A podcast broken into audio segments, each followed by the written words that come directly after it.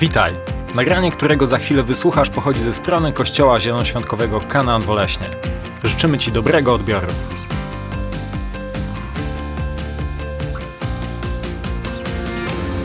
Pani, witam Was y, bardzo serdecznie.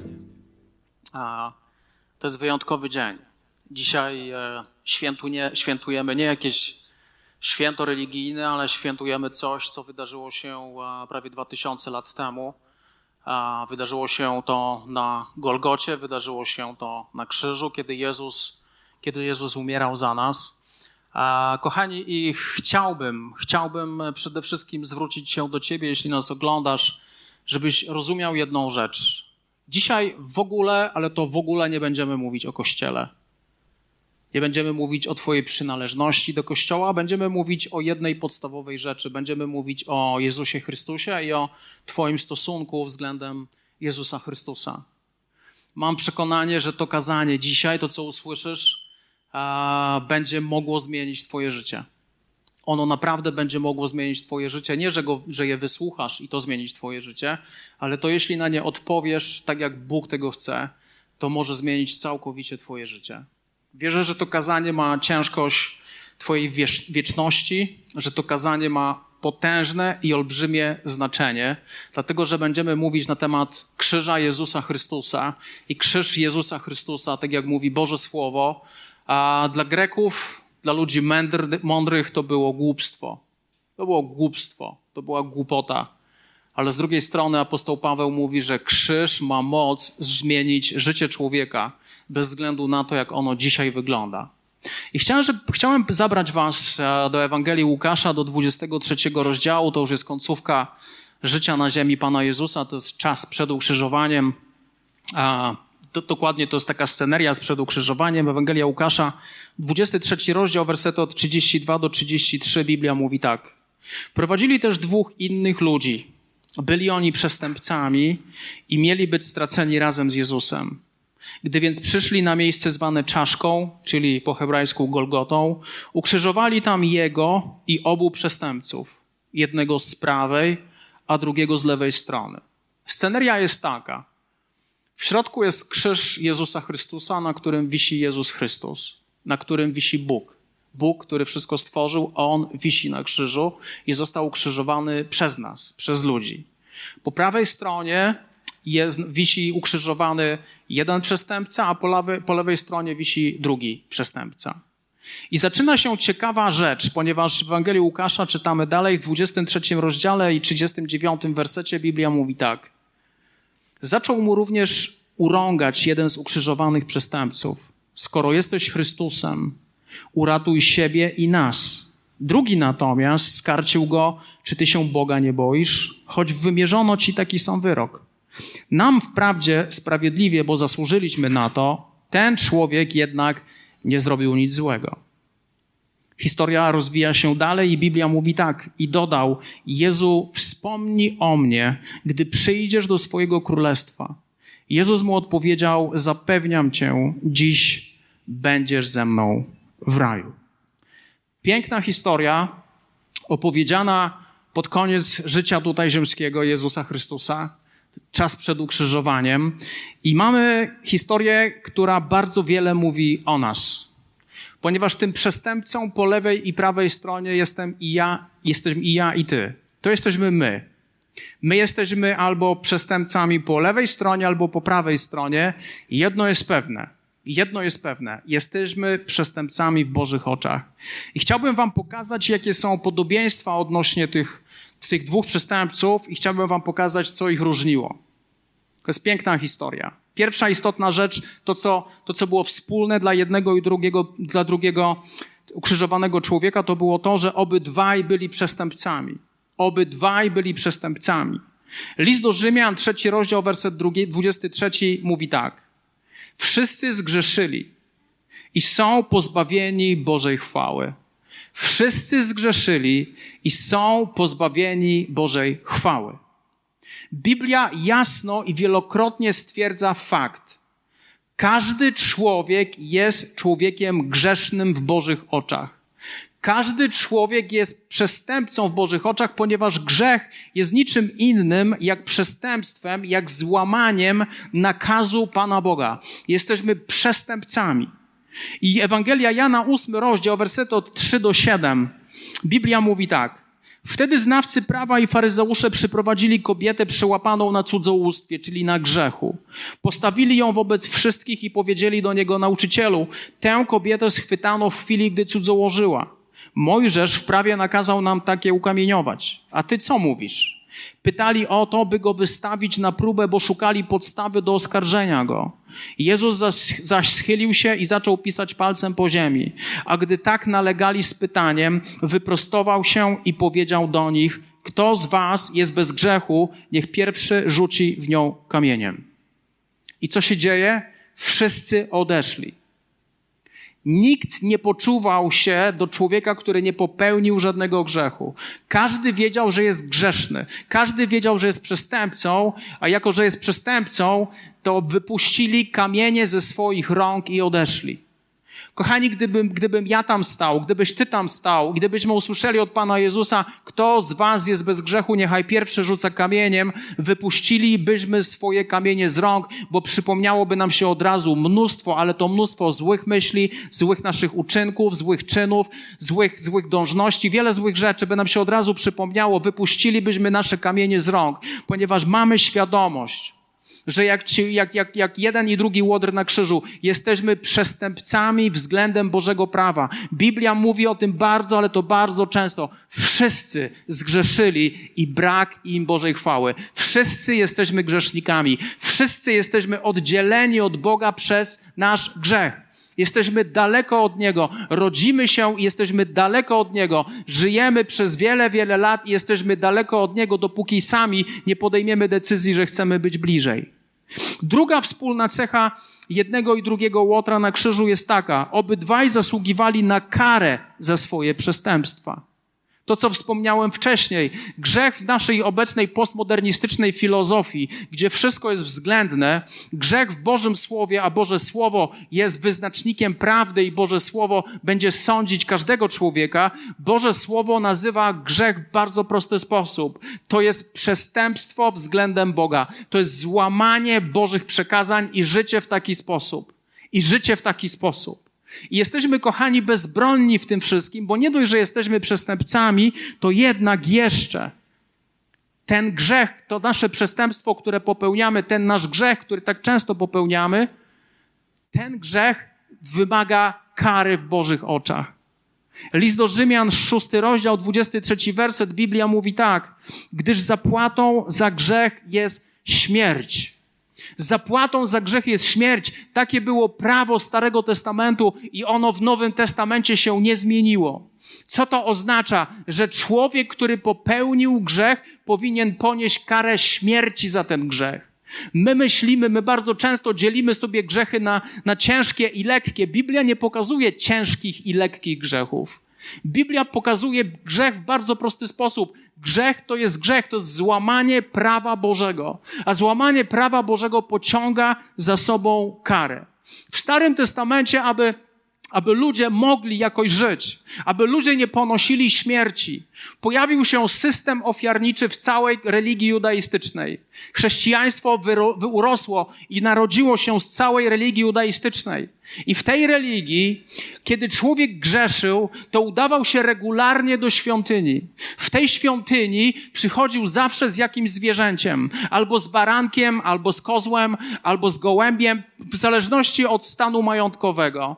Przychodził do kapłana, przynosił to zwierzę i w tym momencie to zwierzę było składane w ofierze. I kiedy, kiedy to zwierzę było składane w ofierze, kiedy było kładzione na ołtarz, w tym momencie człowiek człowiek wyznawał swoje grzechy, wyznawał na głos swoje grzechy i te grzechy w symboliczny sposób spoczywały na tym zwierzęciu. Kiedy człowiek kończył wyznawać swoje grzechy, w tym momencie kapłan podcinał gardło takiemu zwierzęciu i co było? Zapłatą za grzech jest śmierć. To zwierzę ponosiło śmierć zamiast nas. Ofiary były dane po to w Starym Testamencie, aby ktoś umierał za nasze grzechy. Zwierzęta umierały za nasze grzechy.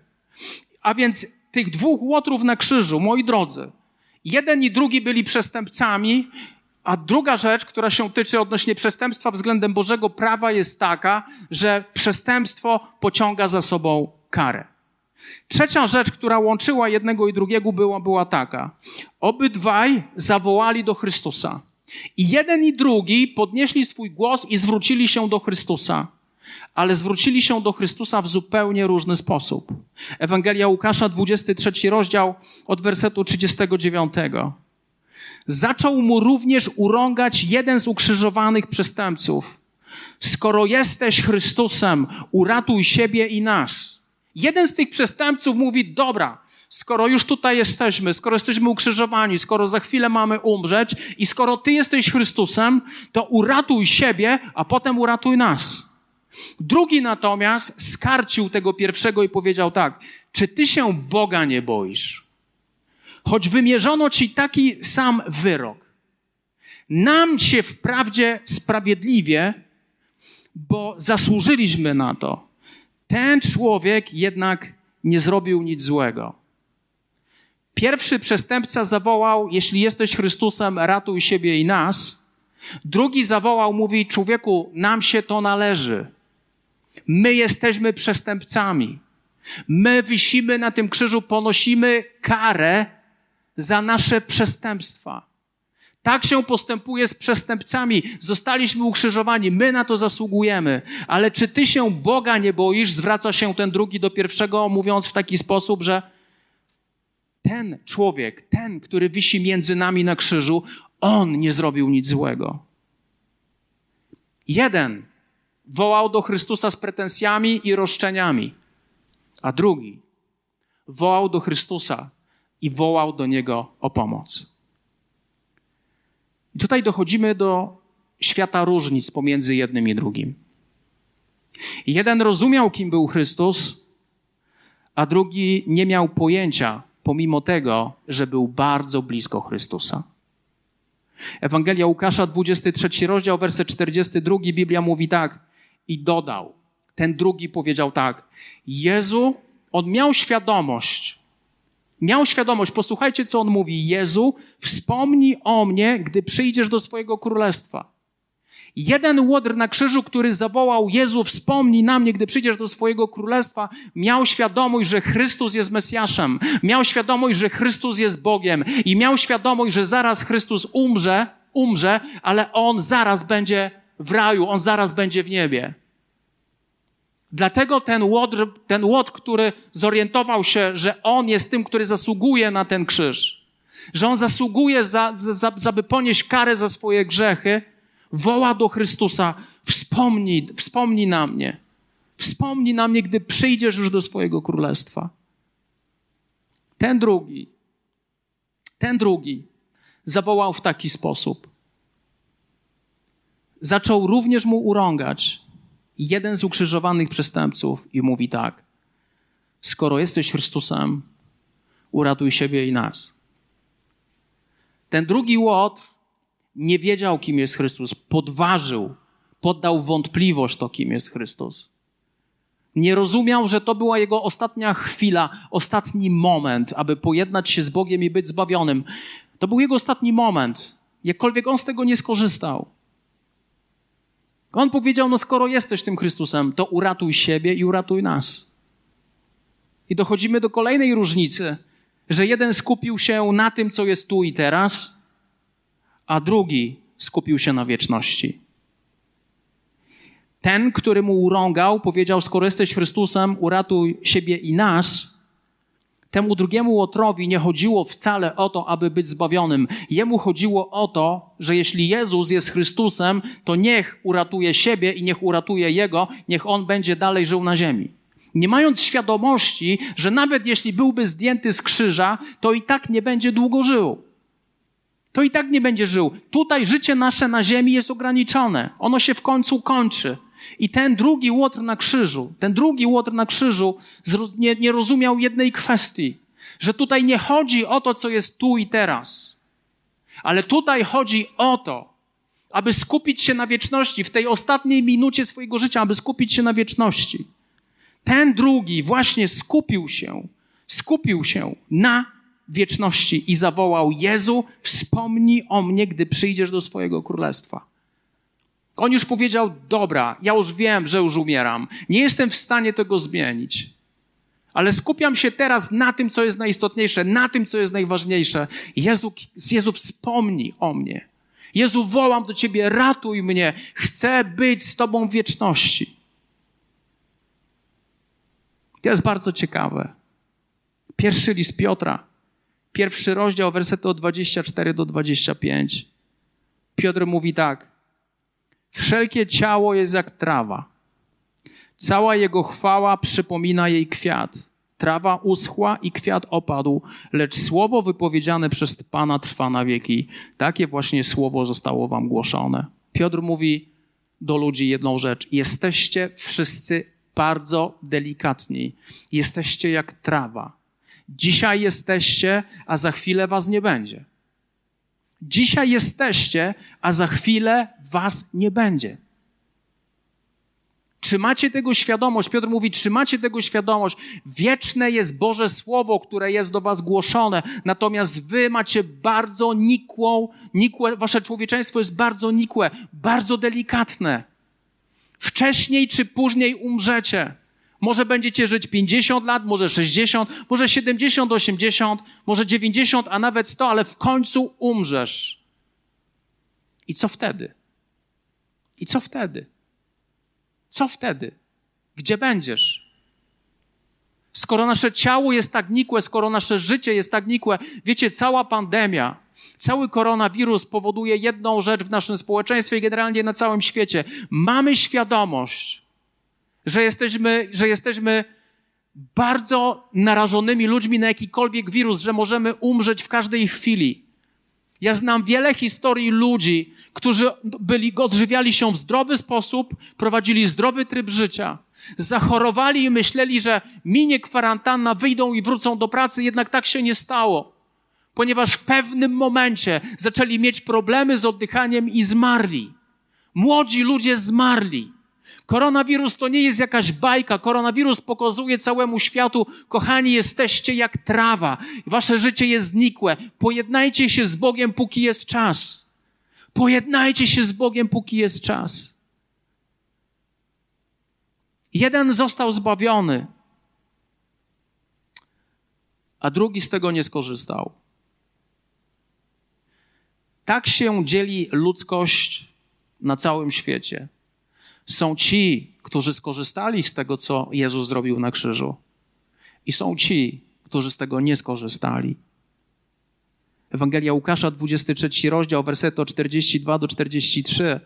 Powtarzam ten werset ciągle i ciągle. Jezus wspomni o mnie, gdy przyjdziesz do swojego królestwa i Jezus, mu, Jezus, Bóg mu mówi, zapewniam cię, dziś będziesz ze mną w raju. Jezus zapewnił tego człowieka: Słuchaj, za chwilę ja umrę, za chwilę ty umrzesz i za chwilę będziemy w niebie. Jezus nie wspomina już o tym drugim, o tym drugim Łotrze, który umierał też na krzyżu. Nie wspomniał o nim, co będzie z nim, ale to jest oczywiste. Albo wybierasz Jezusa i wybierasz zbawienie, albo nie wybierasz Jezusa i wybierasz potępienie. Twój wybór, Twoja wolna wola. A więc kończąc, chciałem, chciałem Ci zadać, chciałem Ci powiedzieć, o czym wiedział ten zbawiony człowiek, ten łodr na krzyżu, o czym on wiedział. Po pierwsze, wiedział o tym, że jest przestępcą. Po pierwsze, wiedział o tym, że jest przestępcą. On to wyznał. My zasługujemy na karę, ale ten, który jest między nami, Jezus, Jezus, on nie zasługuje na karę, on nie zrobił nic złego. Ten, który został zbawiony, miał świadomość, że uczynił wiele złego, że popełnił wiele przestępstw, że te przestępstwa zdefiniowały go jako złego człowieka. Ten, który, który był zbawiony, miał świadomość również tego, że, że zasługuje na śmierć i zasługuje na karę za swoje przestępstwa. On miał tego świadomość. Miał świadomość, że jest przestępcą, miał świadomość, że uczynił wiele złego, miał świadomość, że zasługuje na śmierć i zasługuje na karę, i tą karą jest potępienie. Tą karą jest oddzielenie, wieczne oddzielenie człowieka od jakiegokolwiek dobra. Wieczne oddzielenie człowieka od Boga. Ale co zrobił ten człowiek, który został zbawiony? Zawołał do Jezusa. Zawołał do Jezusa o ratunek. Zawołał o zbawienie. Zawołał o zbawienie. I co ciekawe, on w momencie śmierci nie wołał nikogo innego w kontekście swojego zbawienia, ale on w kontekście zbawienia zawołał tylko i wyłącznie do Jezusa Chrystusa. On miał pełną świadomość, kim on jest, że jest grzesznikiem. On miał pełną świadomość, że jego grzechy zasługują na karę. On miał pełną świadomość, gdzie jest zbawienie, a zbawienie jest tylko i wyłącznie w Jezusie Chrystusie. Biblia mówi o tym, że nikt nie przychodzi do Boga Ojca. Nikt, ale to nikt nie przychodzi w inny sposób, jak przez Jezusa Chrystusa. Nie ma innej drogi. Nie ma innej drogi, tylko Jezus jest doskonałą drogą zbawienia dla każdego z nas. I on wiedział, że tylko Jezus. On wiedział, że tylko Jezus. On nie wołał do świętych, on nie wołał do, do zmarłych, on nie wołał do jakichś patronów. On zawołał do Jezusa Chrystusa. On zawołał do Jezusa Chrystusa, bo wiedział, bo miał pełne zrozumienie, gdzie jest zbawienie. I Ewangelia Łukasza, 23 rozdział, werset 42. Jezu, wspomnij o mnie, gdy przyjdziesz do swojego królestwa.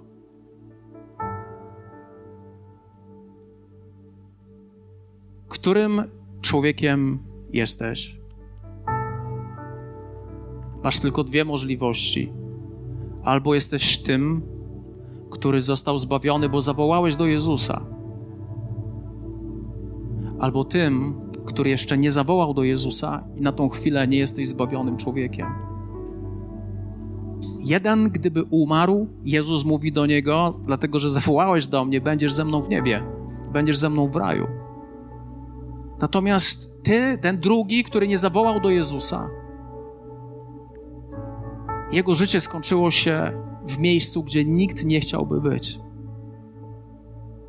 Ewangelia Jana, trzeci rozdział, werset osiemnasty. Biblia mówi tak: Ten, kto wierzy w Niego, mowa o Jezusie Chrystusie, nie stanie przed sądem, lecz na tym, kto nie wierzy, już ciąży wyrok, ponieważ odmówił wiary w imię jedynego Syna Bożego. Ten, kto uwierzy, nie stanie przed sądem. Uwierzyć oznacza zaufać. Ale ten, kto nie uwierzy, ten, który nie zaufa, na nim już ciąży wyrok, ponieważ odmówił wiary w imię jedynego Syna Bożego. Kochani, zadaję Ci pytanie. To jest najważniejsze pytanie, które kiedykolwiek usłyszałeś. Nie ma ważniejszego pytania. Czy jesteś zbawionym człowiekiem? Jeśli jesteś zbawionym człowiekiem, to masz pewność. Ty wiesz w swoim sercu, że jesteś zbawionym człowiekiem. Jeśli nie jesteś zbawionym człowiekiem, żyjesz w ciągłych wątpliwościach. Boisz się śmierci, boisz się tego, co będzie z tobą, żyjesz w ciągłym strachu. Dzisiaj wieczorem będziesz kładł się spać. I zadaj sobie pytanie, czy jesteś zbawionym człowiekiem. Jeśli wiesz, że jeszcze nigdy, ale to nigdy nie oddałeś swojego życia Jezusowi Chrystusowi, to chciałbym dać Ci tą możliwość. Chciałbym dać Ci tą możliwość i chciałbym Cię prosić, abyś pomodlił się ze mną, abyśmy razem zawołali do Jezusa Chrystusa. Tak jak ten łotr na krzyżu w ostatniej chwili zawołał, chciałbym Cię prosić, abyś Ty też zawołał do Jezusa Chrystusa. Bez względu na to, jak wygląda Twoje życie, bez względu, jak daleko jesteś od Pana Boga, bez względu na to, co się stało w Twoim życiu, Jezus Chrystus daje zbawienie tym, którzy wołają do Niego. Proszę, pomóc się ze mną. Powtórz za mną taką prostą modlitwę, niech będzie w tym Twoje serce, Twoja szczerość. Panie Jezu, ja przychodzę dzisiaj do Ciebie. Wiem, że jestem przestępcą. Wiem, że jestem grzesznikiem. I wiem, że zasługuję na śmierć. Ale Panie Jezu, mam też świadomość tego, że tą śmierć na krzyżu poniosłeś Ty zamiast mnie. Dlatego ja wołam do Ciebie, abyś mnie zbawił. Wołam do Ciebie, abyś mnie zbawił. Wołam do Ciebie, abyś przebaczył mi moje grzechy. Wołam do Ciebie, abyś oczyścił moje serce. Wołam do Ciebie, abyś, abyś wziął moje życie takie, jakie ono jest. Panie Jezu, ja wyznaję dzisiaj moimi ustami, że Ty, Jezu Chryste, jesteś Panem mojego życia. I wyznaję to, że Ty jesteś moim Zbawicielem. Amen. Witaj ponownie. Dziękujemy za wysłuchanie tego nagrania i mamy nadzieję, że pomoże Ci ono zbliżyć się do Boga. Jeśli dziś podejmujesz decyzję o zaufaniu Jezusowi i uznaniu Go Twoim Zbawicielem, to chcemy Ci pogratulować. Modlimy się o Boże działanie w Twoim życiu i zapraszamy Cię serdecznie do Kanaanu, ponieważ wierzymy, że Kościół, czyli wspólnota wierzących ludzi, to najlepsze miejsce do wzrostu i rozwoju duchowego.